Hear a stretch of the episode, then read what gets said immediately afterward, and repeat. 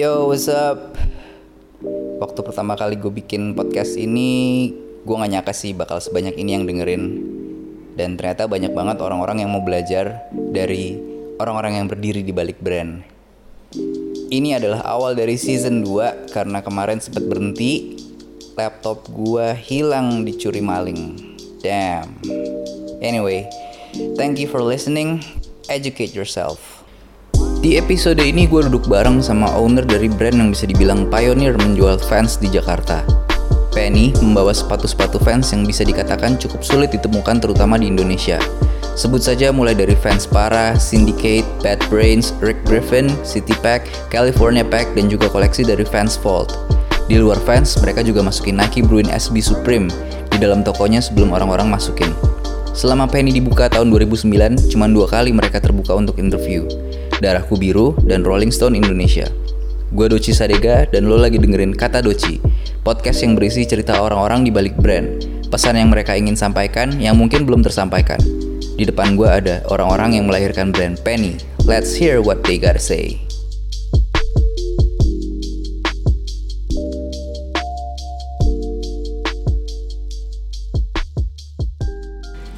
Sekarang gue lagi duduk nggak cuman berdua, berempat sama tiga orang owner brand. Bisa diperkenalkan dari sebelah kiri gue dulu. Oke, gue Ari, Iye, gue Medi, gue Indra Dari dari Penny Jakarta. Harus bareng ya? kami dari. Oke, eh, kalau kita ngomongin Penny, kita mundur berapa tahun? tahun ini Hampir 10 tahun ya. 10 tahun. Tahun ini tahun 10. 10 Iya. tahun. Berarti dari 2010 ya? 2009. Eh 2009. Oh iya. November lah, eh, November 2009. November 21. 2009. Ceritain dong eh, backgroundnya dan dulu kan ada satu lagi ya, Surya ya. Di Surya, sama ada Ais sebenarnya. Oh ada Ais juga. Tapi dia lagi di Bandung. Oh, Oke. Jadi kita baru Ceritain kenapa ngobrol, eh kenapa kenapa bisa bareng ngobrol? ya dulu kita kepikiran pengen bikin bisnis aja sih sebenarnya. Penny itu kayak cuma ide bisnis aja gitu kayak Iya. eh, kita senang sama fans waktu itu kan. Pas Fans si ya sepatu fans. Pas banget waktu itu MAP putus kontrak ya sama fans. Jadi fans agak susah tuh di Jakarta waktu itu kan. Ya kita kepikiran oh kita import aja deh fans. Karena nggak ada yang jual nih di sini gitu. Dulu itu paling dekat harus ke Singapura atau Malaysia. Hmm. atau beli KW-nya di Puring. Itu aja pilihannya. ya jadi pilihannya waktu itu kalau kita mau beli fans ya kita harus kalau nggak import order online gitu kan atau ya kita keluar negeri kita belanja gitu Belum ada just tip tuh. Keluar Belum ada negeri. just tip, belum ada Belum just tip, belum ada Instagram. jadi kita ya kepikirannya sih waktu itu ya pengen ya udah deh kita bikin bikin toko kita jualan fans dan barang-barang lain gitu loh Eh, barang-barang lain juga sebenarnya dia itu aja sih kalau Penny Jakarta tuh awalnya gitu Gua tahu pertama yang di Bangka gitu. Bangka. Iya, lebaran. Itu gue sebenarnya tadinya mau online ya. Mau di Facebook aja. Hmm. Karena kan mahal toko kan zaman itu ya. Belum ada Tokopedia, belum ada segala macam tuh harus fisik gitu. Nah, terus Ali kalau nggak salah ya, speak up Kali ya. speak up ya. Yang namarin kantornya dia di situ. Oh, Kantornya di situ. Saya eh di kantor gua ada tuh space kayaknya murah tuh. Gitu. Nah tuh, akhirnya Ya coba deh gue samperin deh gitu. Gue samperin pas saya tanya, oh iya emang murah gitu. Akhirnya ya udah kita sewa di situ. di situ situ lah Hmm. Dan pertama kali masukin brand selain fans Dulu kita intinya kita jual fans sama denim Jepang ya. Dan Jepang. Denim Jepang. Ya kayak Samurai, Momotaro, Dudi terus Apa? eh, Hot Blue Japan gitu. Hot Blue ya. Japan, terus Ironheart, terus ya ada juga kayak April 77 juga masuk ya. Masuk terus kayak. Amerika kayak Levi's vintage. Ya, pasti vintage. Itu masuk juga. jadi kalian semua yang kurasi terus habis Iya kita kurasi terus kita Kurasi. datengin tuh barang-barangnya. Sempat ada Fish Film gitu-gitu sih. Ada Fish tahun Film 2009 udah sempat Iya, masuk Fish Film, gitu. Jualan juga. Tapi belum ada nyampe sih banyak yang belum Iya, nyampe. makanya responnya gimana tuh konsep pertama itu Waktu itu sih kita nggak nyangka karena uh, si pas kita buka itu langsung rame gitu. Jadi kita kan oh mungkin ya setelah tiga bulan kali ya baru rame nih gitu atau setelah enam bulan baru orang pada ngeh gitu-gitu segala macam. Ternyata pas buka itu langsung rame gitu. Iya. Jadi kayaknya mungkin momennya pas juga kali ya orang lagi emang pengen eh ya besok kebetulan brand-brand yang kita bawa itu emang orang demand-nya lagi ada gitu. demandnya lagi ada Hmm. timingnya juga pas Timingnya juga pas, kebetulan gitu. eh, lingkungan lo juga kan ya yang pertama kali beli juga kan pasti teman-teman juga kan Iya. Teman-teman juga. Iya, sendiri iya, kan iya. Iya, iya, iya, itu ya benar. orang-orang itu juga customer utama itu yang representasi Jakarta Skena, kan, iya, kan, itu, skena iya, ini, itu, ya. Karena memang Bertebar, ya. Penny itu ke fans itu memang backgroundnya dari musik, dari eh, band-band dari band-band lah, bukan dari skate gitu ya. Jadi kita ke fans memang karena entry-nya dari musik dari music gitu. Karena kan gue sama Medi dulu punya Hit and Records tuh. Hit and Run kan ada band-band punk rock lah gitu. Nah Ma- Indra nih dulu sama Surya Sex Toy, Toy. itu artisnya and Run Records makanya dari situ kita kenal-kenal terus Hit and Run tuh tadinya di Fatmawati kan? Fatmawati, Tegogan itu Tegogan. seberang Gazel itu Seberang Gazel. tongkrongan lo gitu Album lu kan gue yang cetakin. Cetak Iya, iya. Lu juga eh, di Mosh juga. Dia di Mos juga, betul. Gue kenal sama Surya dari dia dari dari Hit and Run juga sih. Dari Hit and Run terus eh, dia sama Lintang, Lintang Backstore itu Backstore. kan bikin majalah dulu namanya Mosh. Bikin Mosh, terus gue yang bantuin karena mereka bisa di Semarang kan. ah.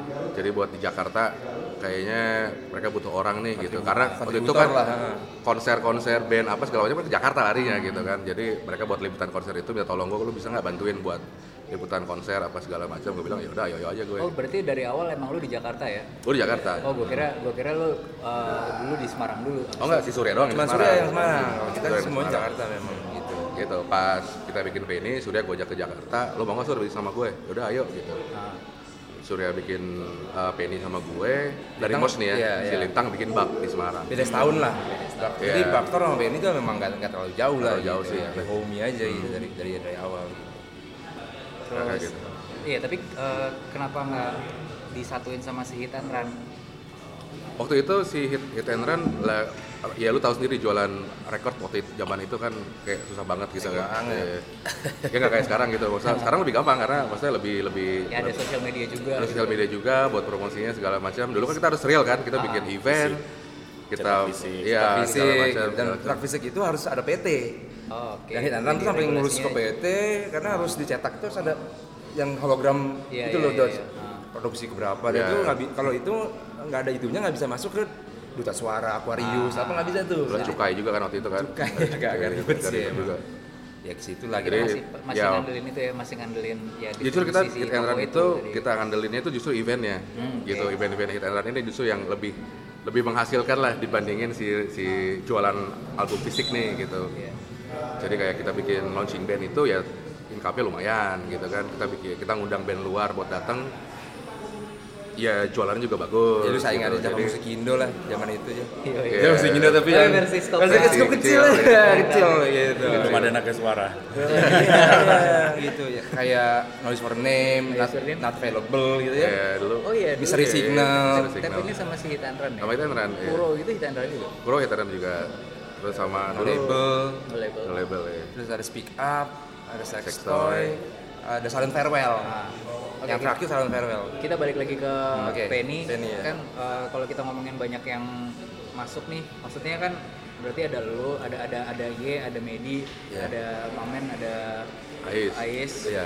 itu perhitungan modalnya gimana tuh Dulu sih kita rata ya. rata Maksudnya kalau buat permodalan sih waktu itu gitu. Itu kita benar-benar kita masih muda lah 10 tahun yang lalu. 10 tahun lalu lah sih umur Masih 24 maksudnya nggak nggak mikir kalau bisnis itu ternyata susah gitu. Maksudnya masih mikir ya bisnis tuh ya udah deh gitu. Apalah yang simpel aja deh Bikin lu. dulu. Bikin dulu mau ngapain nih jualan, jualan apa? Jualan sepatu. Gitu ya lu modalnya berapa? Ya lu punya berapa ya? nah, gitu ya udah kita kumpulin deh nih yang yang kira-kira nggak ngeberatin lu berapa? Sekian sekian sekian sekian. Iya. lo kumpul ya udah mau belanjain apa? Ya udah fans aja belanjain sama denim sama apa gitu. Ya gitu sih sebenarnya. Lari ke, ke Singapura. Ah, kalau denim kita ke Hong Kong waktu itu. Tapi kalau buat eh, Hong Kong sama Jepang sih. Tapi kalau si Fansnya fans itu Singapura. awal-awal Singapura memang. Dua tahun awal Singapura, lah. Singapura ya. kalau yang jual pertama tuh fans dulu apa emang lu semuanya kumpulin dulu nih barangnya abis itu baru di- mulai dijual bareng gitu? Kita kumpulin dulu waktu itu. Ah. kumpulin dulu udah kekumpul nih lumayan. Kayaknya udah cukup nih buat ngisi toko nih. Ah. baru kita buka toko gitu. tadinya kan mau online itu. Nah, mau online doang gitu. kalau salah awalnya cuma 30 per apa 60 per gitu ya? Ya segituan Segituan lah, gitu. puluhan lah. Puluhan lah gitu. Oke lalu eh, jadi lo belanjain dengan diskon ya waktu itu kan soalnya kan lu belum belum bisa dibilang eh, Enggak, kita sih cuma kayak go show datang, milih-milih, beli karena beli banyak. iya karena beli banyak Iya, toko Nah, berarti diskon. itu ya. yang jadi margin lu kan Itu jadi margin gue. gue. Iya. dan dijual Iya, dijual sini. lagi Mm-mm. itu jadi profitnya ya Iya. gitu jadi emang goalnya sih dulu kita jualan apa yang menurut kita keren deh Ah. gitu jadi profit bukan profit minded gitu ya dari awal buka gitu yang penting yang, yang keren yang yang jarang lah apa gitu gitu sih gitu dan waktu itu event pertama kali Penny itu di itu ada opening opening di depan toko ya Event di luar maksudnya. event di luar ha? Event luar. Oh, spot. Oh, Spot. Spot ya? Enggak, event pertama itu Wall of Fate justru. Oh, Wall of iya. Fates masih di Wall depan Fate. Kentucky ya? Di ala, sebelah Al Azhar tuh. Sebelah Al Azhar Kemang. Iya. Apa di Al Azhar Kemang ya? Enggak, enggak, sebelah Al Azhar. Iya, Wall of Fates Azhar. benar-benar. Wall of Fates yang pertama tuh. apa sih ada bakmi Ya, pokoknya ada Ya, itu ada ruangan itu lah, gue juga inget, lupa inget sih. Iya, pokoknya dia kayak sewa. Kemarin gue juga sempat ngobrol-ngobrol sama anak Fates itu kayak Danen, Jan Danen. Iya sama si eh, beberapa anak Fates gitu kayak, weh gue event pertama lo gue ikutan gitu kan. Iya kita masih berantakan tuh gitu gini. Gitu. Iya, iya, Kita iya. kayak ingat-ingat zaman-zaman dulu gitu kayak Fates baru mulai juga gitu kan. Kita juga baru mulai gitu. Mulai, Iya.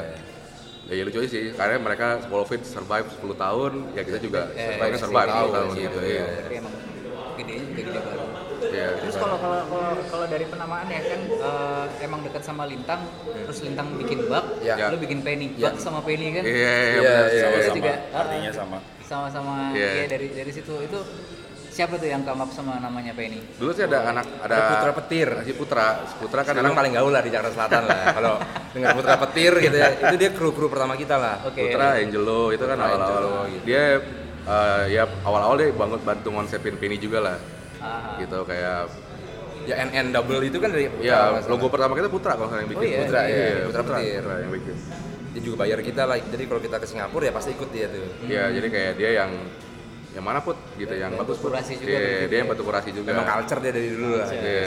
oh yang ini ini ini ini ini bagus nih oh ya udah ya kita ambil lah gitu gitu. Em, kalau kita ngomongin jarak antara ab- buying habis itu habis terus lo buying lagi? Eh, dulu sih karena kita nggak cuma ngandelin modal yang ada aja gitu ya. Jadi Ya, Diputer, ya, ya, diputer. Puter Repeat, aja. repeat. begitu kita kira-kira cukup buat belanja lagi ya kita baru belanjain lagi gitu oh jadi nggak ada nggak ada ininya kayak nggak ada buffer deh nggak ada-. Nggak ada, nggak Habis berangkat. ada uang nih berangkat. berangkat Iya, gitu berangkat. Jadi tapi dulu berangkatnya karena kita dulu berempat ya Dot, tambah satu orang jadi ber, kita berlima. Nah. Jadi dulu itu yang berangkat berlima. oh lima Berlima limanya jadi pakai hand carry. Oh, oke Hand carry ke sini Semakin. Terus ya masih belum tuh belum belum. Masih jalur resmi tuh masih ya satu orang bawa 6 lah bawa 7 lah. Jadi 30 pair 30 pair lama-lama kok ini kita nggak ada profit ya? Habis tapi nggak ada profit. Iya, karena- karena harus beli tiket pesawat hotel makan di sana apa. Ya udah lama-lama ya tetap hand carry setahun kali ya. Tahun lah karena ya kan kita juga bangun trust lah sama toko-toko di Singapura waktu itu kan. Buat ya ujuk-ujuk lo eh gue mau order dari Jakarta kirim ke sini lu siapa ya? gitu kan ibaratnya gitu dulu jadi kita bangun hubungan dulu ya bangun hubungan dulu lah gitu Istilahnya uang uang sekolah lah dulu Iya, kita sebutnya uang kita sekolah sama awal live food kalau nggak salah ya Iya, Live Food, Live Food paling banyak bantu kita juga. Terus limited edition juga banyak bantu. Sebastian Tai itu Iya, terus Warp ya Warp Live foodnya Warp, Warp lah. di Orchard Orchard Orchard, Orchard. Iya. apa namanya sama Far East. Oh Far East. Iya, Far East, Far Far East, East. iya. Live Food dulu, Si kata yang kayak pertama. Terus, oh ya, aduh, namanya lupa tuh. Dia tuh spesialis otentik, otentikan tuh. Jadi kita misalnya mau beli yang yang yang eh, baru rilis, Live Food. Kalau mau yang collab-collab apa, ke limited edition. Kalau mau yang otentik apa tuh ke Warp sama ada di mana tuh si Angkel lah itu ya. Iya, lupa. lupa tokonya apa. tokonya Jadi apa nih? kita udah obrak-abrik Singapura tuh. Tapi caranya live food nih. Dua kali tiga kali belanja sekian ribu gitu. Jadi semua uang kita belanjain semua di live food.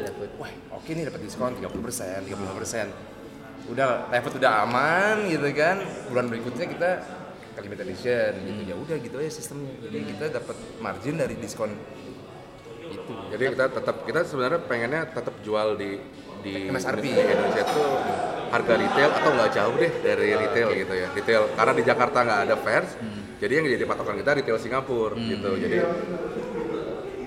eh, fans yang waktu itu ya hampir semua barang yang dijual di Penny waktu itu itu kalau nggak sama ya beda dikit lah sama di Singapura gitu jadi kita nggak coba buat markup gila-gilaan apa gimana gitu Justru itu kebanggaan kita tuh.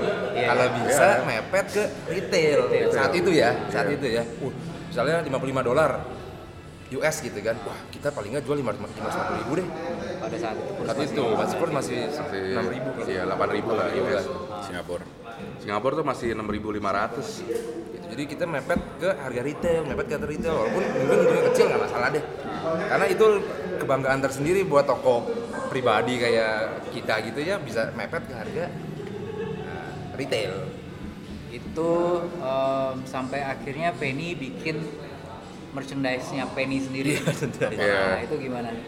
merchandise itu sih sebenarnya eh, waktu itu fans akhirnya masuk ke sini kan Ah, ah. resmi 2014 Dari- mungkin Enggak, kan. 13 apa 14 ya 14 kayaknya. enggak enggak 13 ya Nah itu ngeganggu ngeganggu 13. bisnis lo nggak? sebenarnya enggak Kita udah meeting.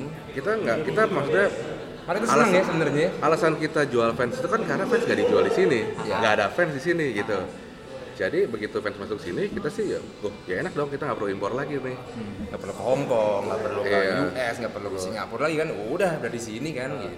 Kita udah di sini ya udahlah kita kita di sini aja gitu kan kita ambil dari sini gitu karena Dari gagannya. Mm-mm. semua retail di luar negeri pun kan di negara mana pun Ambil ya kalau brand lo ada di sponsor. situ distributornya ya lo ambil dari distributor lah udah paling murah gitu kan Nah itu tapi Udah paling eh, benar. si, si gagannya juga pengennya eksklusif fans dari mereka doang apa lo boleh masukin yang special collab gitu-gitu kan jadi waktu itu sini kita kan? meeting sama Gagan ya waktu itu Gagan yang masih megang fans kan. Gagan, ya. Gagan kita coba obrol-obrol ngobrol-ngobrol deh gitu kita emang kita bilang kita pengen ngambil fans dari lo gitu Hmm. Tapi waktu itu ternyata responnya Nggak terlalu- agak aneh sih menurut, aneh ya. menurut menurut gue gitu. Menurut kita tuh agak aneh karena waktu itu pertama dari namanya kita dagang ya Yep. dari marginnya lah yang dia kasih gitu. Ya kali margin yang dia kasih lebih kecil dibandingin gue impor langsung. Oh gitu. gitu kan maksud gue ya lu dah lu gimana? Gue di, di gue ke Singapura ke Malaysia ke Hong Kong gue dapat diskon segini dari harga jual dari MSRP gitu nah lu kok masa kasih gue diskon segini doang gitu buat wholesale terus belum si minimum Ordernya gitu. ordernya itu kayak besar dan lu nggak bisa nggak sebebas kita milih ke Singapura yang kita mau apaan aja itu iya. kita bisa bisa lah gitu kan mau harus pilih ikutin harus ikutin oh stoknya dia ini lah. paling banyak lu ambil segini lu harus ambil ini juga nggak nggak fleksibel gitu buat buat kita dagang gitu Tapi kita cuma dikasih boleh jual sindiket ya. Enggak segini, jadi waktu itu kalau nggak salah setelah meeting sama Gagan, Gagan tuh tahu bahwa ada Benny Jakarta tuh tahu. Bahwa dia aware lah ada Benny Jakarta gitu. Dan kita di dikasih kebebasan sama dia, lu terserah lu mau ngambil di gue boleh dengan eh, term and condition seperti itu gitu kan. Dan cuman Penny saat itu yang ditawarin lu bisa ngambil California, lu bisa ngambil Syndicate, lu bisa ngambil Volt. Dia akan usahain tuh buat Benny Jakarta tuh.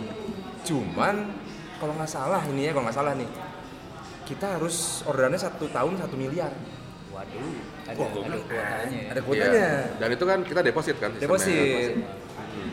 Pengirimannya per semester apa per ya? semester. Jadi satu miliar dalam setahun misalnya bayarnya 200 300 300 nah itu ini apaan ya gitu? Kita kan bukan company besar gitu kan orang underground gitu kan. Oh, oh gitu ya gitu. Akhirnya tapi terserah kalau Penny mau masih masukin kita tutup mata deh nggak ada masalah. Karena lu duluan daripada kita gitu atau orang fansnya gitu. Oh ya sudah deh pak kalau gitu gitu. Karena kayaknya kita pikir-pikir dulu deh gitu. Akhirnya kita nggak ambil tuh. Terus dia yang lucu sih waktu itu dia ngomong pas kita meeting itu dia kita akan ngomong kepung iya kita akan kepung lokasi Penny dengan toko-toko yang jual fans di PIM ada, di Kemang ada, Gandaria ada, di sini ada, nanti Ya, terus? akan ini, hmm, ya terserah gue bilang. Iya, serah sih gitu. Terus kayak gue ngomong, gue ngomong ini, yaudah deh gini, strategi marketing lo apa? Apa yang bisa lo support dari fans? Misalkan kita ambil fans nih dari lo, lo mau ngapain? Toh kalau misalnya lu ambil juga tetap ada toko-toko itu. Iya, tetap aja toko-toko itu gitu. Lo mau ngapain? Apa yang apa yang eh, bakal lo lakuin buat si brand fansnya ini gitu? Apakah lo mau bikin eh, skate competition atau band atau apa gitu buat support kita sebagai retailer dong gitu kan? Dia bilang, oh eh, kita nggak nggak akan masuk ke skate. Jadi kita pikir fans di Indonesia ini nggak akan ada skate skate nya Lah, itu aja kan gue udah ini skate skate shoes nomor satu di dunia loh gitu Tapi dia tapi nggak dia apa ya. lu nggak nggak mau masuk ke skate gitu kan. Kita itu udah aneh gitu kan lah. Ini gimana nih gitu Oh, saya iya, masuk. gimana apa nih? Oh, kan ya kita mah seneng gue bilang. Gak ada masalah gitu, nggak ancaman atau apa enggak, tapi ya kita kira bisa eh gue ada duit sekian nih gue mau ngambil 50 per dong gitu. Eh gue mau ngambil 50 60 per dong ada 20 per dong ya santai aja gitu kan. Yang penting kan lu masuk transaksi kan. Ternyata enggak gitu. Dan ternyata pas gue denger plannya semuanya masuk mall kita pun sebenarnya tahun 2000 berapa ya? Yang Okane itu 2013 ya? Iya. itu udah punya budget untuk buka di mall saat itu. Wah mau buka di mana nih ya gitu. Cuman kita urungkan nih akhirnya kita bikin steakhouse di Semarang itu Okane. Uang itu kita bikin sana karena tadinya pengen pindah di mall di mall. karena kita pikir wah kayaknya tapi market kita atau yang beli fans bukan tipe yang ke mall tiap hari deh gitu kan. Yang yang weekend ke mall dia memang harus nongkrong harus ya di ya private store aja gitu ya. Akhirnya kita uh, urungin niat tuh Dos untuk masuk ke mall gitu. Udah deh emang harus gini nih culture-nya kayaknya gitu kan. Ternyata mereka masuk ke mall kan wah kok gue kira kan kayak Orbis mungkin kayak uh, Penny atau ada Backstore ada apa tuh di emang dikumpulin di meetingin oke nih kita bikin plannya apa gitu kan. Karena di Singapura juga Kayak- gitu kan. gitu. Ah, maksudnya kayak kita kan toko independen nih ibaratnya ya. Maksudnya kita bukan grup gede segala macam gitu. Kita toko kecil.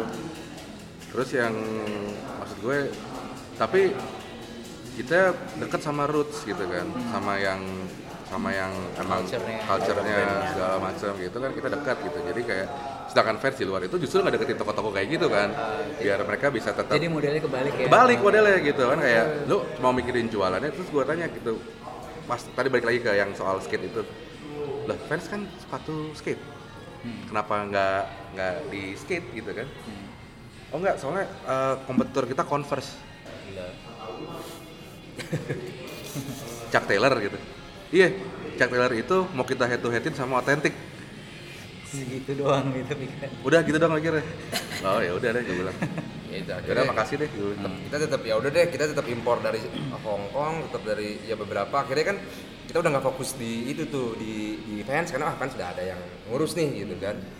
Udah akhirnya kita mulai eh, apparel. apparel sendiri pun sebenarnya dari tahun Sebenarnya aparel tuh dari 2000 2011 2012 tuh kita udah mulai. Itu treat kita itu sebagai merchandise toko aja. merchandise toko tadi. Hmm, jadi kayak waktu itu kita jual kita mulai jual tadi kan gue bilang uh, fans sepatu-sepatu gitu kan terus uh, denim gitu kan akhirnya dulu kita oh, kita harus ada brand apparel juga nih gitu kan yang kita yang kita import gitu karena kita waktu itu mikirnya masih kita toko gitu kan pertama kali itu Rebel 8 nih masalahnya pertama kali itu yang kita dealing yang wholesale ya. iya deal deal dari Rebel 8 itu kita bareng sama Faya Kondios oh Kayak Kondio. iya Hen Hen, iya. Bandung tuh. Bandung dulu Hen Hen nelfon gue gitu katanya eh net lo gue mau mau ngambil Rebel 8 nih ini mau nggak? Pat- patungan sama gue setengah-setengah nih. Soalnya minimum ordernya nggak usah waktu itu seribu dolar apa berapa gitu.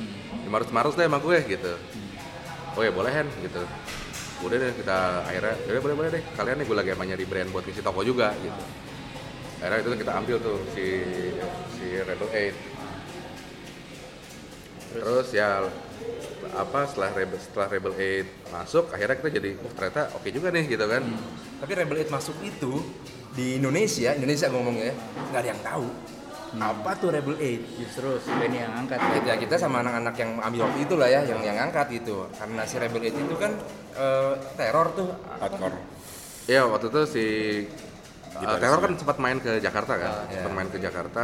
Kita juga yang yang bikin hit and run maksudnya yang bikin yang yang, yang bikin, bikin gitu. show-nya gitu. Itu terus uh, si ex gitarisnya Teror itu ternyata orang marketingnya Rebel 8 oh iya gitu orang marketingnya Rebel 8 gitu. lihat ada Oh, yang hardcore juga pakai nih, Rebel gitu. 8 jadi pas uh, apa pas ngobrol-ngobrol-ngobrol oh lu di Rebel 8 gitu oh kita udah ngambil apa mau ngambil waktu itu segala macam oh gitu wah gue kerja di Rebel 8 gitu kan katanya oh sekali lagi timingnya pas Pas lagi. lagi. Iya pas tuh.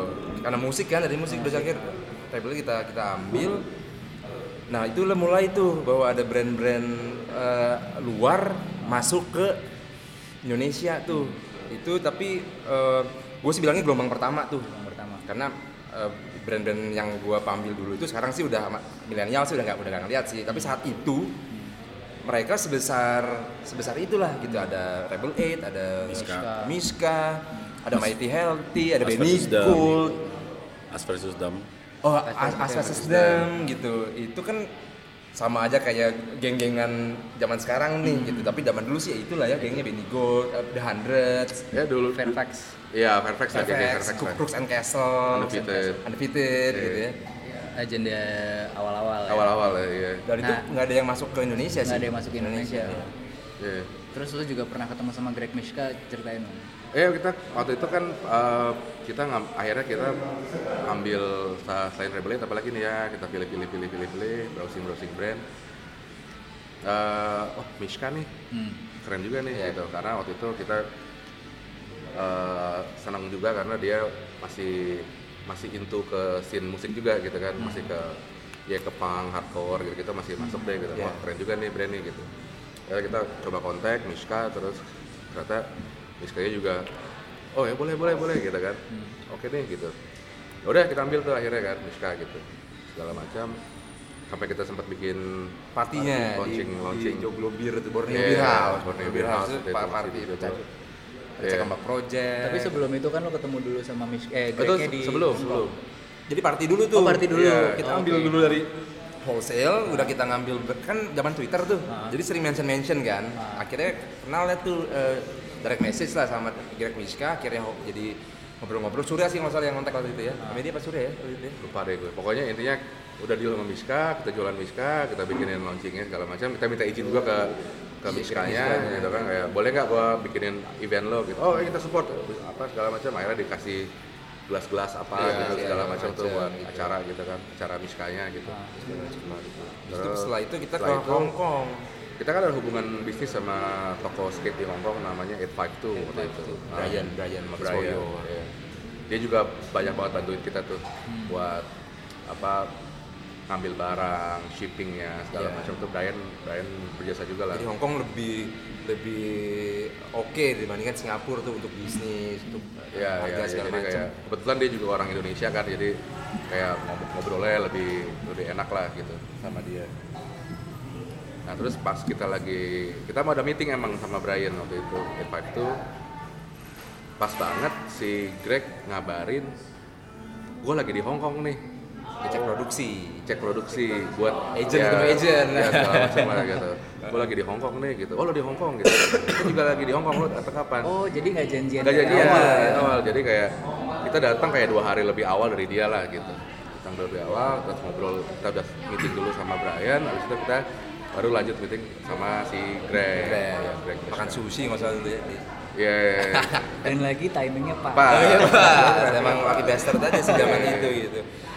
Ya Greg Miska, ya dia seneng sih memang ada ada brand di luar Amerika gitu yang yang aware sama kan dulu internet juga cuma Twitter kayaknya ya belum YouTube belum Ya udah ada sih Instagram tapi- gitu. Instagram belum lah Udah. Ada Instagram ya? Udah. jadi ya ketemu Greg Miska ya udah akhirnya dia semakin homey kan gitu yang ngambil-ngambil segala macem. Ya ngobrol-ngobrol, ngobrol-ngobrol sama dia lah gitu soal retail biasa lah gitu gitu. sama dia, dia bawa desainernya nggak salah si Masioner itu ya? Iya, Mace. si Macy itu dia sama dia sama desainernya lagi ngecek produksi kita lagi mau meeting juga di Hong Kong waktu itu gitu. Jadi ya pas sih timingnya pas lah skala itu Jadi kita ngomongin uh, bisnis sampai sampai berapa tahun tuh akhirnya si Penny ini dijadiin legit gitu kayak ada PT-nya segala macam dan harus nggak sih dibikin kayak gitu? si kata gue sih sebenarnya harus ya maksudnya kita juga ada sebenarnya ada PT tapi kan karena ada perubahan-perubahan pemegang saham jadi eh, belum kita urus lagi sih si PT-nya Penny PT yang awal itu masih awal. eh, anggota yang lama lah gitu ya. Ya. Tapi PT-nya dibikin dulu baru lu run bisnis apa? Run bisnis dulu. Kan Kan bisnis dulu, bisnis dulu Ya, lah. baru kita bikin PT akhirnya gitu karena ada ya biasa kan kebutuhan-kebutuhan bisnis lah gitu kan yang mewajibkan lo punya Segala macam POS. lah gitu Segala- itu tuh kita baru tahun kedua, tahun ketiga tuh baru wah kita kayaknya harus punya POS nih. Kayaknya kita harus punya kantor nih. Kita harus punya. Jadi semuanya nggak by plan oke. Jadi PN ini mau begini ya nggak gitu memang. Eh kayaknya kita butuh toko lebih besar nih. Eh kayaknya kita ya udah ayo, eh, ya udah ayo, ya udah ayo gitu aja nggak ada yang sambil jalan. sambil jalan aja gitu nggak ada yang ambisius ambisius banget gitu kita harus yang paling fans ya kita harus paling nggak nggak ada tuh gitu ya udah yang penting anak-anak mau beli barang yang ini bisa ke toko harganya juga masih reasonable gitu gitu aja sih gitu. tapi PT penting waktu itu karena udah mulai ada saham segala macam kan mulai besar gitu akhirnya ada kita bikin PT lah gitu. Untuk legalitasnya juga lebih ya ya Dan, lo tau lah gitu gitu. Maksudnya kayak lo dealing sama siapa Ah. PT-nya apa ya gitu. Dan liability ya. Kalau misalnya lo, Iya. lo bermasalah sama orang terus ini masih belum PT ya. Orang itu nuntut lo dia akan minta segala yang lo punya. Ya, cuman kalau lo punya PT ya, Ya, yang PT-nya. PT-nya PT-nya aja, aja. gitu kan. Bangkrut aja PT-nya aja jangan orangnya gitu Iya, ya. orangnya makanya itu PT dan CV bedanya itu. Kalau CV lu bisa sampai harta pribadi. Ah, tapi kalau PT ya company aja. Company nggak punya apa-apa ya wes itu company gue gitu kan. Balik lagi ke apparel. Apparel oke. Em, sejauh mana arahan desainnya eh, gimana gimana lu nentuin arahan desain pada waktu itu? So- sedangkan lo kan cater banyak brand yang ya banyak banyak apa ya image yang Iya, ah, iya, iya. beda-beda gitu. Dulu sih kita mikirnya ya itu awal-awal kita produksi merchandise merchandise gitu kan jadi Merchandise, kayak iya. kayak orang pengen ada yang nanya pengen nggak bikin kaosnya? gitu kan. Akhirnya kan kita kan toko gitu kan bukan bukan brand bukan bukan brand gitu kan. Kita masih toko waktu itu mikirnya tapi ya udah deh ada yang minta ya kita bikin deh. Kalau nggak salah yang pertama bikin tuh Ambon desainnya. Duki apa Ambon ya? Ambon Ambon. Ambon Kill Ambon gitu. Ambon Kill itu yang yang Ambon itu yang yang Ambon. edisi pertama tuh yang gua foto sama Ari bukan sih? Daging? Bukan itu bukan bukan. Bukan. Bukan, setelahnya. itu Setelah. setelahnya. Itu udah mulai ada ada konsep yang awal. Itu masih cuman gambar coba kayak macan itu iya lu lebih lu gede. desain bon? Apa bon? Gitu. Oh Jakarta nih gitu. Iya. macan macan Ya. Warna kuning gitu Il Tigre nggak salah Ambon yang yang gambarin tuh. Ya. Di situ ya Juki juga ya. Ya. Ya intinya sih kita treatnya seba- masih masih sebagai uh, Merchandise lah. belum sebagai Dan ternyata habis terus. Dan dan habis habis terus. karena Ya. kita bahannya eh baju dasarnya pun karena kita biasa impor akhirnya bahan Tahu. pakai Hanes masalah ya. Hanes Oke. terus habis itu Gildan Hanes ya jadi Hanes. tahu standar ya lah ya standar Ah, awal tuh hands dulu tuh Dodge. Pas hands ya belum pernah ada yang pakai juga hands zaman itu ya gitu. Ya kita pakai karena impor dari Singapura apa dari Amerika gitu. Si handsnya dicetak, bikin penny merchandise tuh pakai hands tuh sampai si Juki sampai si Ambon. Sampai akhirnya ada City Tex oke Darmanto tuh. Darmanto. Masih di Sleepy dia. Manto yang Darmanto yang itu masih kecil dulu dia, masih kecil Gildan akhirnya kita eh, ada Gildan nih di di Jakarta nih gitu kan. Akhirnya mulai dari situ aparel kita dari Hens karena males impor, akhirnya Gildan tuh Dodge. Gildan. Mm-mm. Yang lu pakai daging pakai itu masih Gildan tuh. oh iya iya iya yang warna ungu tuh Warna Gildan. ungu Gildan, yang marun apa nah. Itu masih ke City Tex tuh. Dan yang apa eh, brand yang pakai Gildan nggak ada zaman itu. Hmm, Ada baju-baju band paling gitu ya, pakai Gildan tuh. Belum booming lah Gildan saat itu, jadi masih keren lah kita pakai Gildan tuh saat itu gitu. Ya udah. Pakai Gildan, pakai Gildan, pakai Gildan. Eh, lama-lama ngikutin stoknya Nah lama-lama kita kalau mau rilis ngikutin stoknya Gildan ada apa. Misalnya kita mau warna eh, abu-abu monyet gitu. Ada abu-abu nih Taunya abu-abunya nggak ada dia gitu. Oh, ada abu adanya marun. Akhirnya gantilah jadi marun gitu. Oh mau hitam bikin sekian. Oh hitamnya cuma ada sekian. Wah ganti apa ya? Jadi jadi memang akhirnya produksian itu terganggu sama stok Gildan yang harus, ada. harus harus. Yang terbatas banget. Size nya juga bolong-bolong. Bolong-bolong gitu lama-lama jadi nggak jadi jadi nggak seru tuh gitu kan. Barulah kita mulai Coba. produksi sendiri kayak pakai bahan lokal. Tapi kita sizingnya? Ya ngulik banget. Di situ cotton combatnya yang hitamnya harus pekat lah. Terus kalau dicuci nggak langsung pudar gitu gitu ukuran kerah ya ukuran kerahnya kita nggak mau yang terlalu turun nggak mau yang terlalu naik juga. Itu pokoknya terlalu tipis. iya. Hmm. dan pa- pada waktu itu kita kayak coba merubah stigma dari baju tipis nih enak gitu. Padahal nggak juga. Kalau lu pakai baju tipis keringetan keringet lu nggak keserap sepenuhnya jadi panas gitu kan. Kalau kalau lu pakai baju tebel justru gampang keserap gampang keringnya juga. Karena orang sini biasanya wah enak nih bahannya tipis. Iya, iya. itu ya orang awam bisa ngomong gitu lah gitu oh ini bahannya tipis enak Iya. nih waduh belum pada nyampe sih zaman itu tapi waktu, itu sih lebih kayak ya kita sering beli baju-baju band kan Oh, jadi tahu referensi ya. Eh, referensinya justru dari baju-baju band itu kan. Kita kayak, wah tag-nya Gildan, tag-nya Triple A apa segala macam belum segala macem lah gitu Nah, kita sortnya dari situ sih sebenarnya gitu. Si kita pengennya feel-nya itu kayak kita beli baju band deh gitu kan. Kayak sizingnya segala macam gitu-gitu ya. Intinya sih sebenarnya seperti itu. Gitu. Terus ekspansi eh, ekspansi bisnis waktu itu kan selain Penny Jakarta ada buka juga Penny Bandung. Oh iya iya model, iya. model iya. bisnis Iya iya. franchise tuh. franchise. Tahun berapa tuh? 2013 13 13 iya. 12 12, 2012 Cepet juga ya, 2009, 2010. Iya. Uh, mulai bikin merchandise ya terus 2012. siap Awalnya gimana tuh? Awalnya jadi waktu itu ada anak Bandung si Mike. Mike Dia, sama Abby lah eh, berdua ya. Iya berdua approach kita terus kayak pengen bikin Penny di Bandung gitu. awalnya sih dia pengen mau jualan fans tadinya Oke. cuman dia bilang gini kalau gue jualan fans pakai nama toko sendiri gue akan kerepotan dia bilang gue sekalian beli nama penny-nya bisa gak gitu akhirnya Dan supply-nya juga dari lo. dari gue gitu semuanya cuman manajemen dan kawan-kawannya gue bilang ya lu atur sendiri gitu kan Eh, udah Jadi kita cuma kayak kontrak supply aja lah gitu. kita supply aja gitu Kontrak supply sama beli nama di awal Iya, ya. iya. kontraknya lima tahun waktu itu. Gitu. Akhirnya ya udah meeting meeting meeting meeting meeting akhirnya buka deh tuh di DU Iya, di, di di Bati Ukur tuh ya Penny Bandung tapi ya berjalan tiga tahun sih kayaknya jadi masih ada dua tahun kontrak tersisa jadi nggak nggak nggak selesai karena memang Memang susah juga jualannya gitu. ternyata di Bandung mereka kesulitan juga sih gitu ya untuk karena memang jualan kayak gini memang bukan orang nyari bukan cuma sekedar fansnya gitu ya tapi memang harus lu harus nongkrong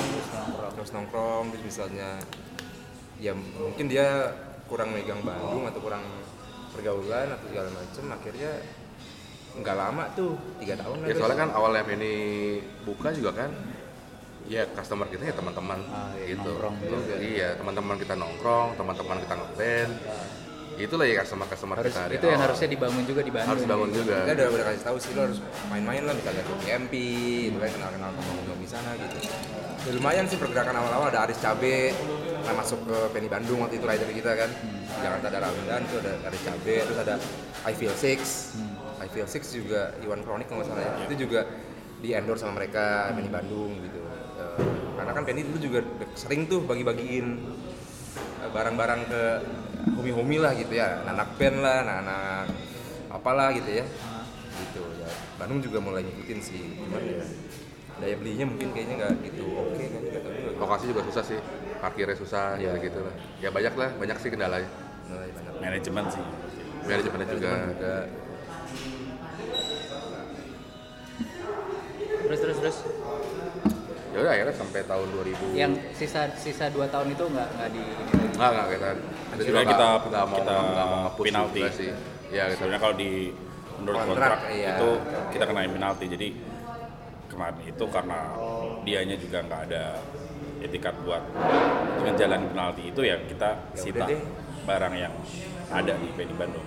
Oh gitu. kita beberapa ambil tapi ya semua. kita lebih ke keluargaan lebih ya kan juga kita nggak pernah gimana gimana gitu ya akhirnya ya udahlah kalau emang lu nggak bisa jalanin ya wes tuh yo gitu ya wes ya udah deh gitu ya udah gitu aja sih nggak nggak kita enforce juga. nggak gitu wah lu masuk dua tahun ya walaupun secara impact gitu kan ya gue sebenarnya mikirnya tahu gitu kalau lu cuma setengah-setengah gini nggak akan gue kasih nih karena kan jadi jelek Nama. ke nama band Jakarta ya kan eh kok Bandung tutup Iya iya iya. itu kan nama untuk sebuah bisnis kan nggak bagus tuh gitu oh kok band Bandung tutup gitu ya untuk gue jelasin bahwa itu adalah franchise itu beda panjang deh bilang, ya ya udah.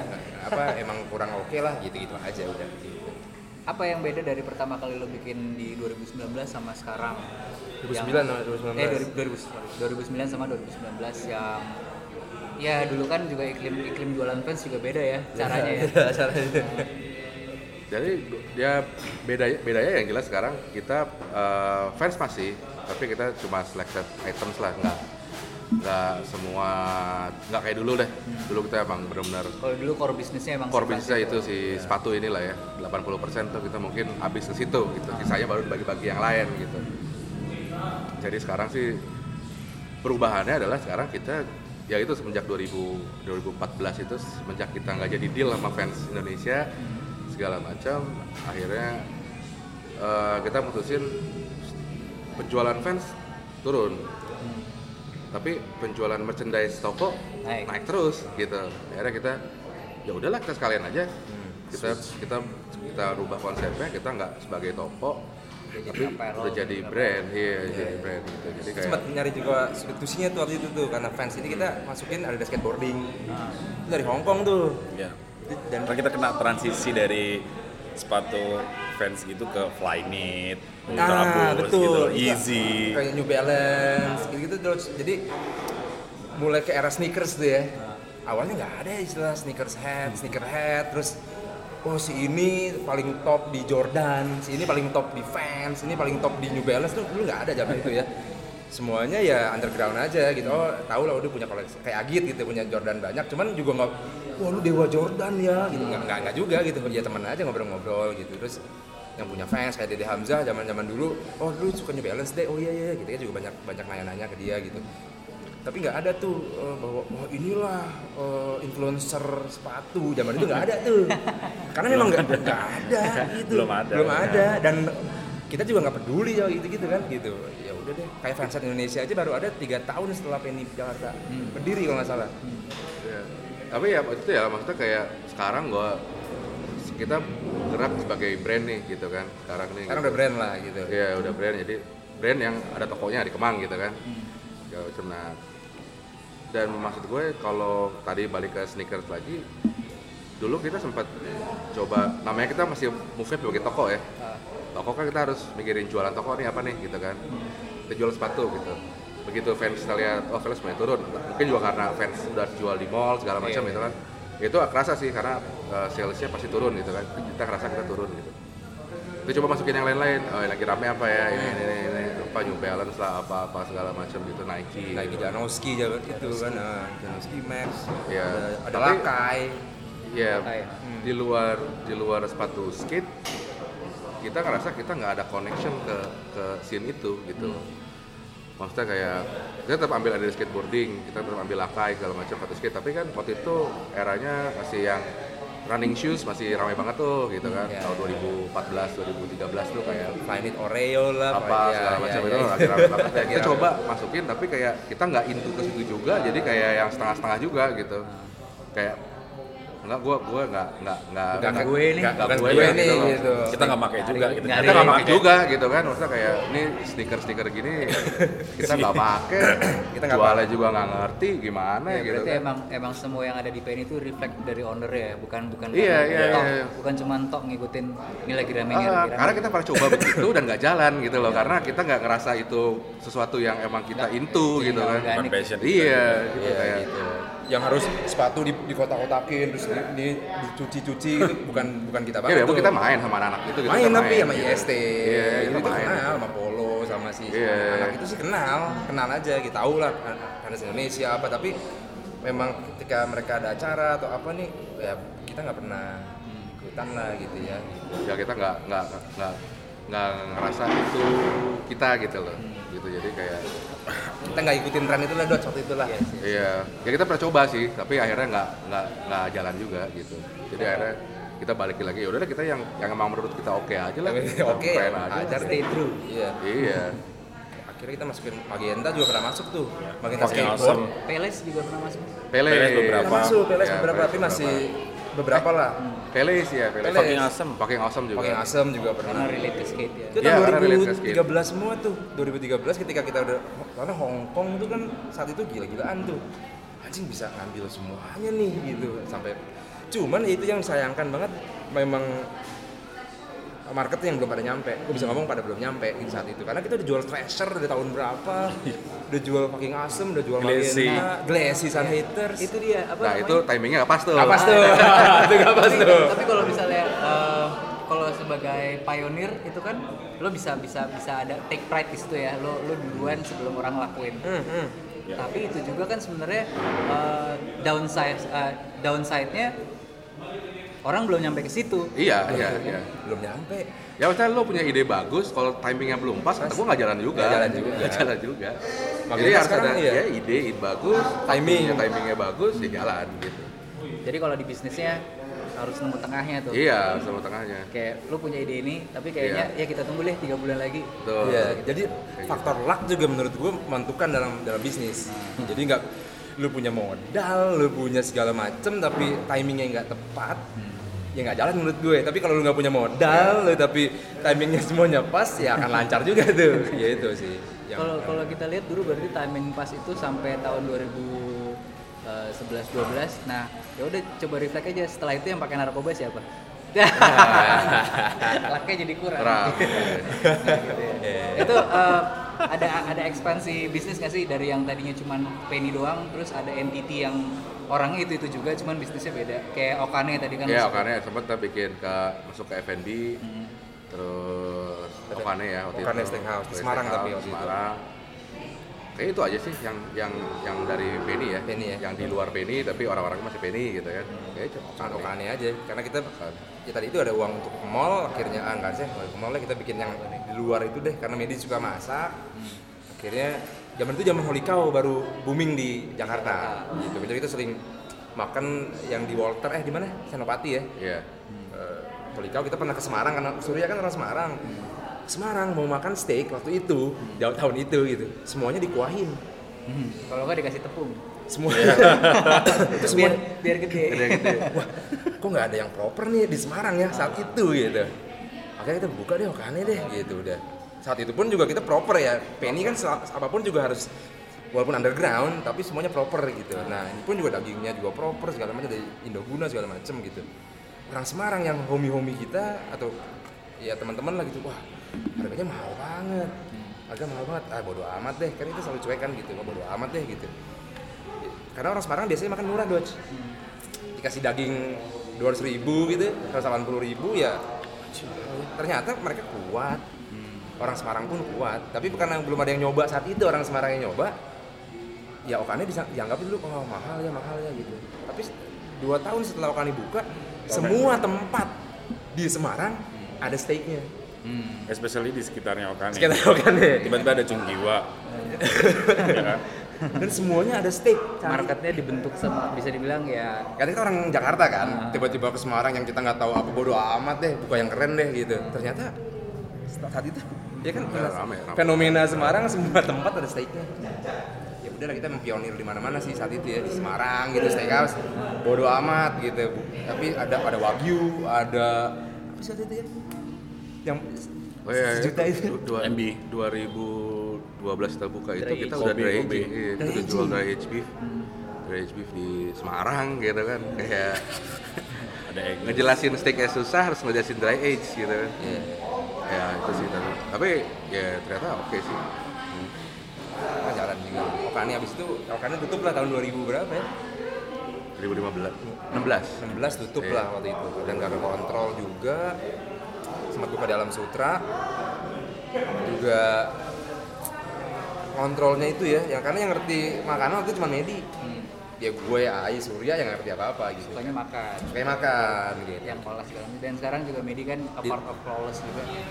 Iya, Nah, iya, lu iya. ngurusin menu dan lain-lain dari lo ya. Iya dari gue.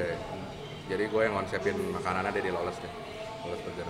gitu jadi Lawless Burger sama Okane Burger itu rasanya sih 11 13 lah. 13. Iya, dia 11. juga yang- Iya 11 13 jadi kalau gue kangen makan burger Okane itu ya gue Lawless lah. Rasanya 11 13 lah.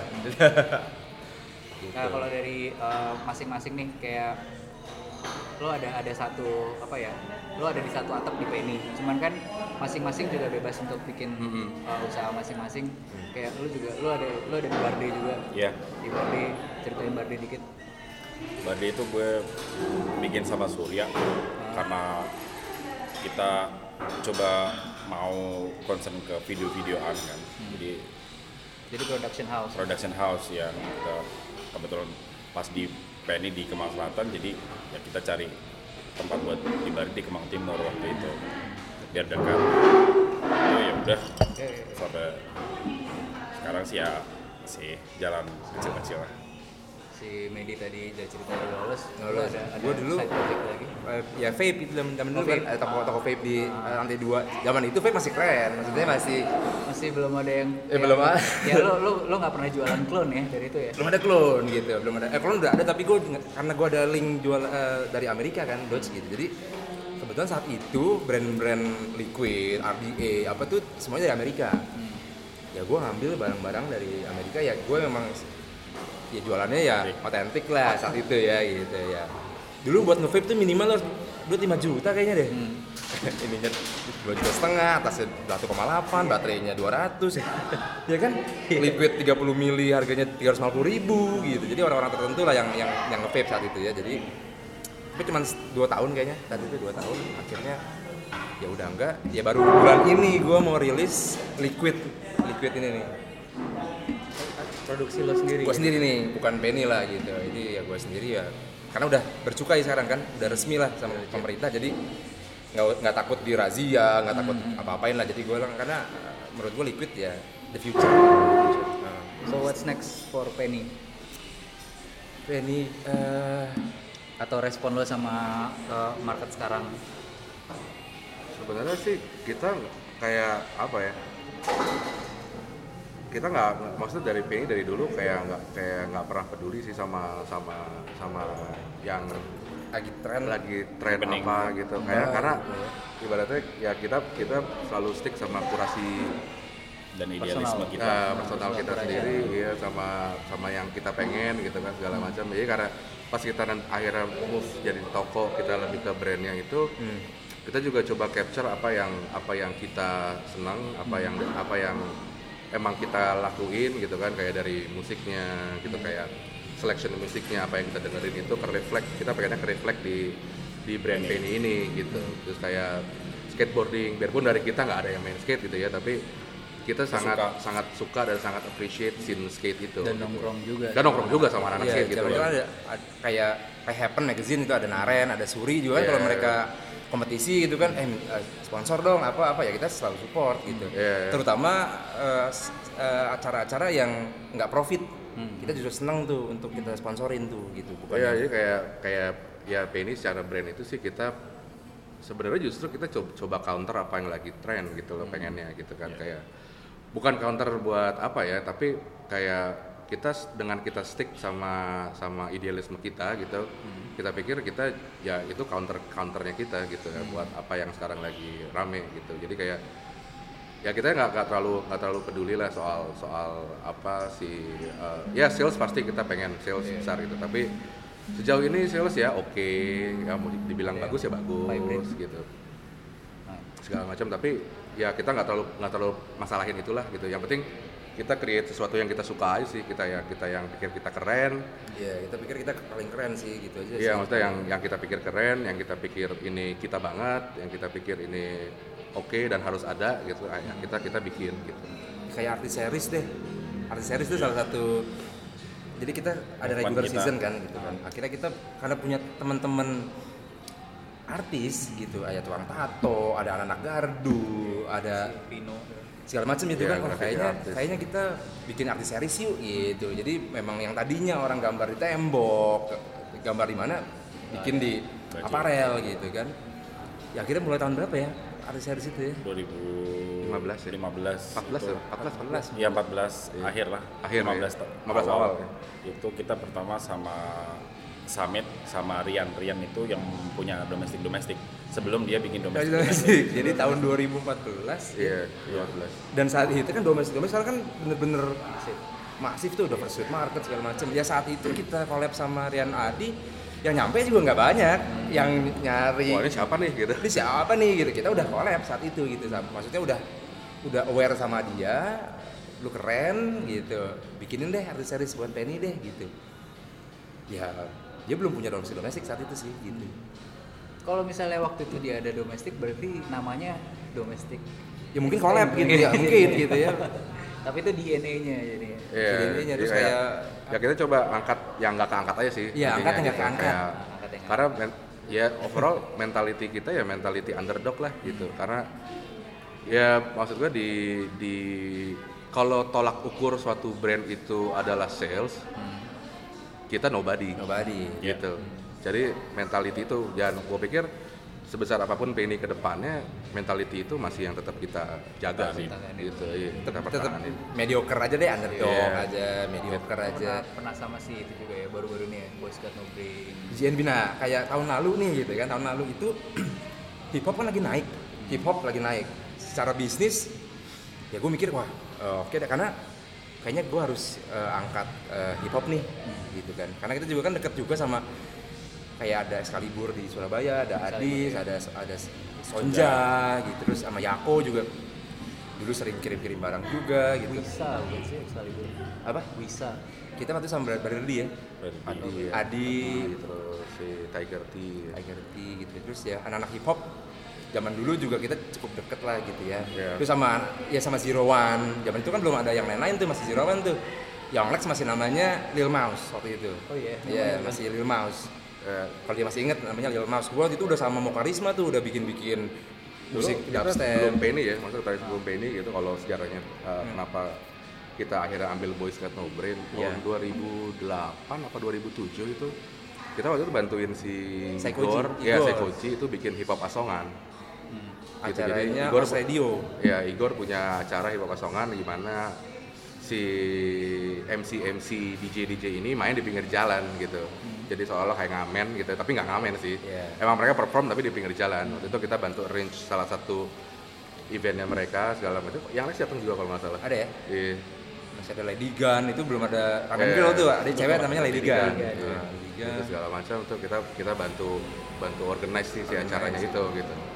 Kebetulan make kantor kantor hit and run dulu tempatnya Hmm. gitu. Jadi kita akhirnya uh, bikin acara di situ dan semenjak itu ya kita juga jadi juga lumayan deket lah sama anak-anak hip hop gitu. sama Ha-ha. Kojek gitu-gitu ya Iya. ya anak itulah Ya, gitu Ah. segala kan dulu hip hop juga tahun segitu nggak ada panggung nggak ada panggung jadi kayak hip hop itu mang, eh, numpang lapak anak-anak pang lah gitu saat itu ya saat itu ya tahun 2000-an itu ya Iya. Ya karena kan ah, Kuro apa yang bantuin itu kan saat itu kan gitu. Eh, nah hip hop akhirnya kita gue, pikir gini secara bisnis hip hop harus gua harus gua jamah nih berarti gitu kan.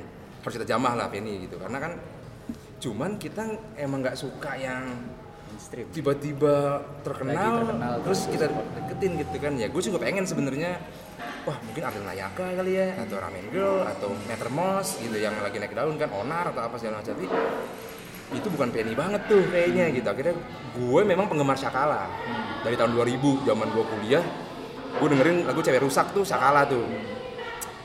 Shakala ini kan membernya Boset Ngobrol Lil Jonzo nah ketika gue oke deh kita bikin musik edition deh eh, BJNB gitu. Ya udah akhirnya gue dikenalin Bimaji sama Jawir. Ini manajernya BJNB nih gitu. Wah gila gue fans gue fans. Ketemuin gue dong gitu gitu akhirnya meeting meeting dari 2017 akhir sampai akhirnya tahun kemarin kita rilis ya BJNB itu. Bukan siapa yang lagi ngetop ya BJNB nggak ada yang tahu. BJNB itu siapa? Zaman itu eh jangan pas gue rilis tuh ya. Oh pesta rap pesta rap ya market gue juga mungkin nggak ada yang tahu tuh. Tapi ya bodo amat.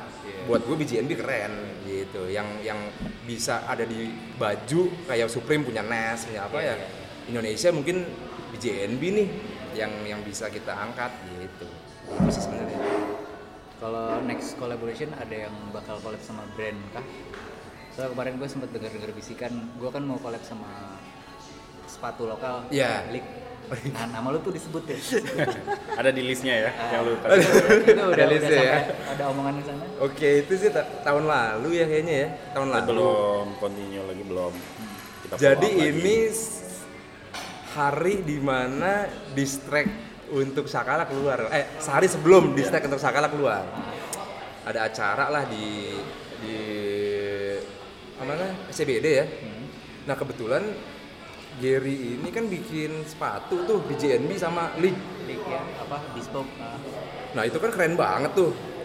Jadi pas uh, dia belum uh, rilis di acara itu se- sehari sebelumnya gue ketemuan malamnya gitu. Karena gue beli kan, gue dikasih sepatunya. Ya gue pertama kali punya nih, gue bilang gitu yang megang. Oh keren keren keren keren.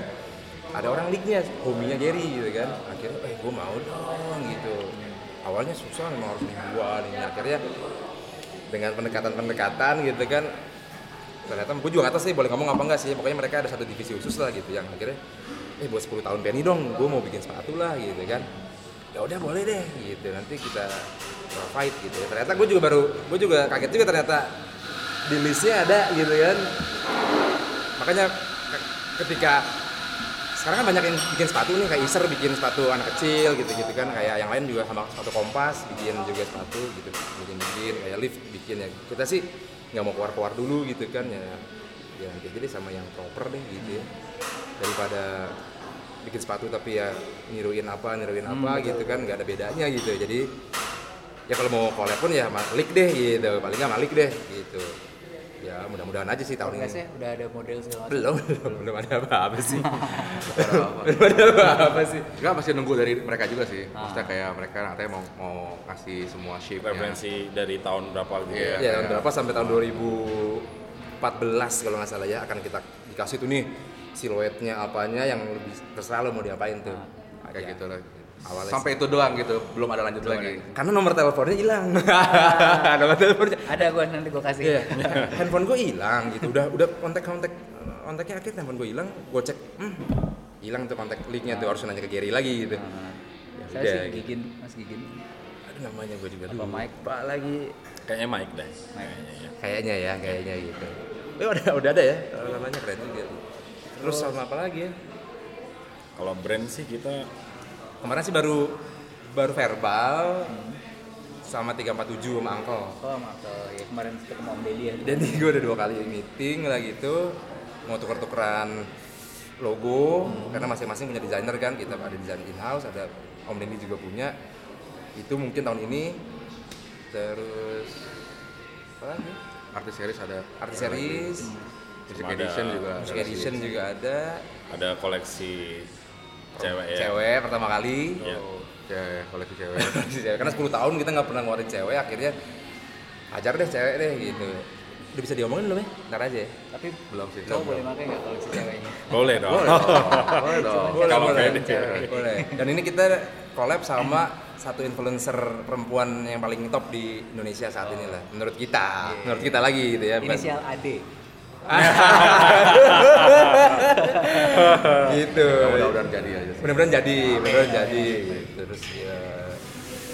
Ya mudah-mudahan sama band. Sama band. Sore bukan brand. mungkin ya. Bukan brand tapi band. Band. Sama band. sama band. Banyak collab nih terus.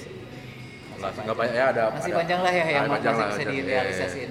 banyak sih karena kan 10 tahun jadi kita pengen kayaknya banyak kerjasama kerjasama sama orang-orang gitu ya. Nah, terus eh, setiap brand punya jawaban sendiri dan punya jati diri sendiri untuk brandnya masing-masing. Jadi untuk jawab pertanyaan ini juga pasti jawabannya beda-beda. Hmm. Kalau Penny ditanya, Hmm. gue pengen bikin brand, gimana supaya gue kayak Penny? Jawaban lu apa? kalau gue jangan ikut jaklot iya kalau mau kayak Penny jangan ikut jaklot out of the box ini harus box Atau Penny? Eh, jangan jangan kayak kita lah. Kalau mau ya lebihin kita lah. iya ya kayak itu. jawaban ya. iya. Jangan kayak kita lah. Iya, lu ngapain niru niru? Ya itu tadi kan kita juga banyak gagal ya gitu. Nah, Banyak gagalnya segala macam. Ya kalau mau ditiru ya tiru yang lebih lebih oke lah.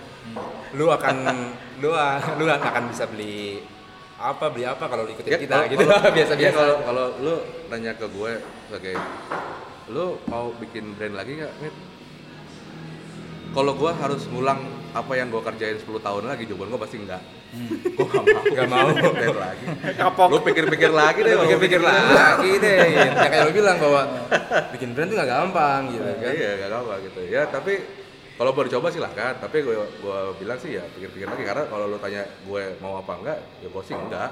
Iya. kalau gue harus ngulang ngulang. 10 tahun yang lalu. Harus build dari nol lagi Iya, gitu ya. apa-apa kayaknya ini sih kayak udah kecebur aja ya gitu. kecebur aja sih Dan gitu. dia ngurusin. iya kayaknya kayak, kayak sayang gitu kan sempet kita sempet 2016 kayaknya mau udahan aja deh kayaknya 2016 tuh toko tutup toko tutup Instagram, hilang Oh, itu kenapa tuh? Oh, Instagram bilang Instagram kan bukan tiba-tiba- kesalahan lu tapi kan bukan Bukan. bukan lu delete iya tapi nggak yang tiba-tiba tahu hilang. iya tiba-tiba Ya, hilang itu gitu itu sih algoritma kena algoritma Instagram awal-awal. Jadi Masih ngaco udah udah ya, pakai algoritma. sistem mereka jadi yang udah kehapus itu gone gitu aja nggak bisa di backup lagi gitu waktu itu mereka belum bisa gitu kalau sekarang sih udah bisa Karena kan kita pakai Instagram itu dari tahun 2012 kayaknya Dodge ya. followersnya juga waktu itu udah 100 ribu, 100 k.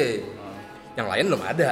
Dan itu nggak belum pernah nggak ada beli beli jasa belum ada tuh. Jadi kita emang 100 k memang bener-bener. Jadi dulu posting Instagram udah pasti habis tuh barang tuh karena 100 ribu dan organik dan organik tuh kan. Nah dan kita kayak kita kebablasan karena zaman zaman kita pakai Instagram belum banyak gitu Dodge. Jadi Instagram masih belum peduli itu mau profil kita tulisannya apa, Iya, terus iya, iya. postingannya apa tuh nggak ada yang peduli gitu kan ya. Jadi kita nyeleneh-nyeleneh aja tuh kan posting-postingannya gitu. Iya, sempat ada spekulasi kan gara-gara di bionya kan Wisel Wisel, Drugs. Ya, itu Yes. juga itu juga banyak yang mungkin itu juga gitu kan. Seperti bisa- posting ya, sampah karena, lah. ya karena kita nggak pernah mikir aja sih Iya, gitu iya, loh. Maksudnya iya. kayak nggak pernah mikir itu sesuatu yang apa, ya, negatif gitu, gitu. Iya, Just ya you do what udah you want asal- aja. karena Iya. ada fuck you mentality juga iya kan. gitu Iya. kayak kayak ya udahlah gitu Ya drugs maksud gue ya di barang-barang yang kita ini Iya. candu kan lo beli beli terus kan gitu. Jadi bi- bisa drugs itu.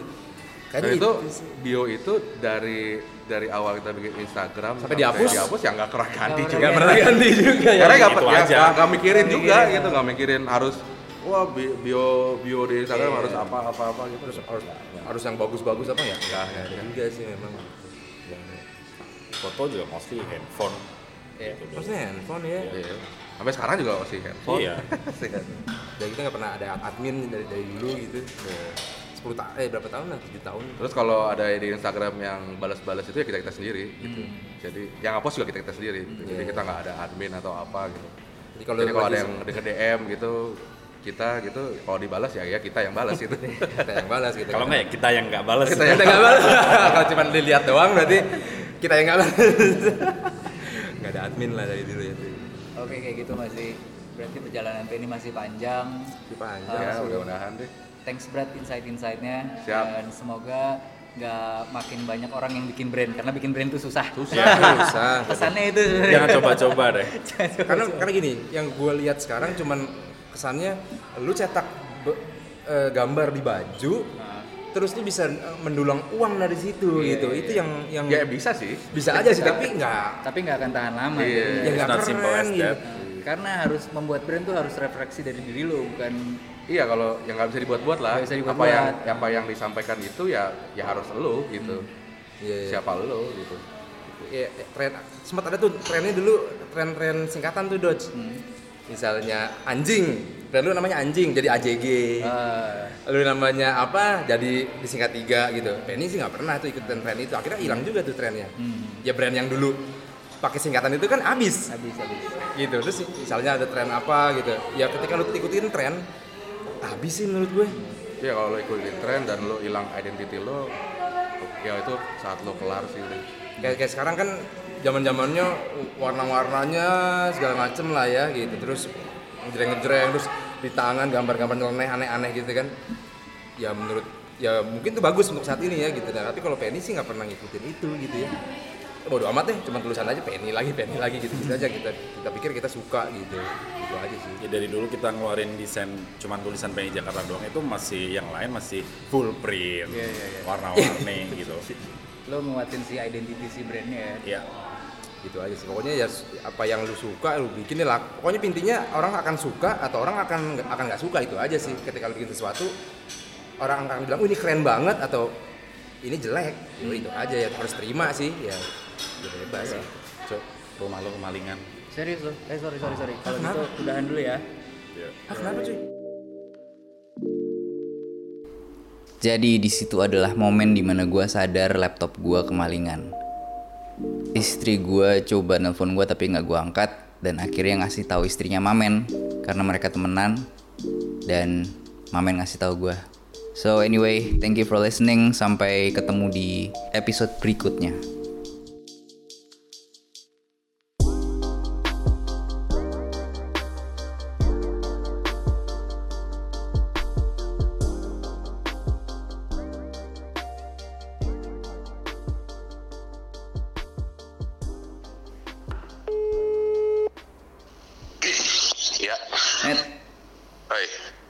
613 apa Met? 613 itu nomor hoki aja sih.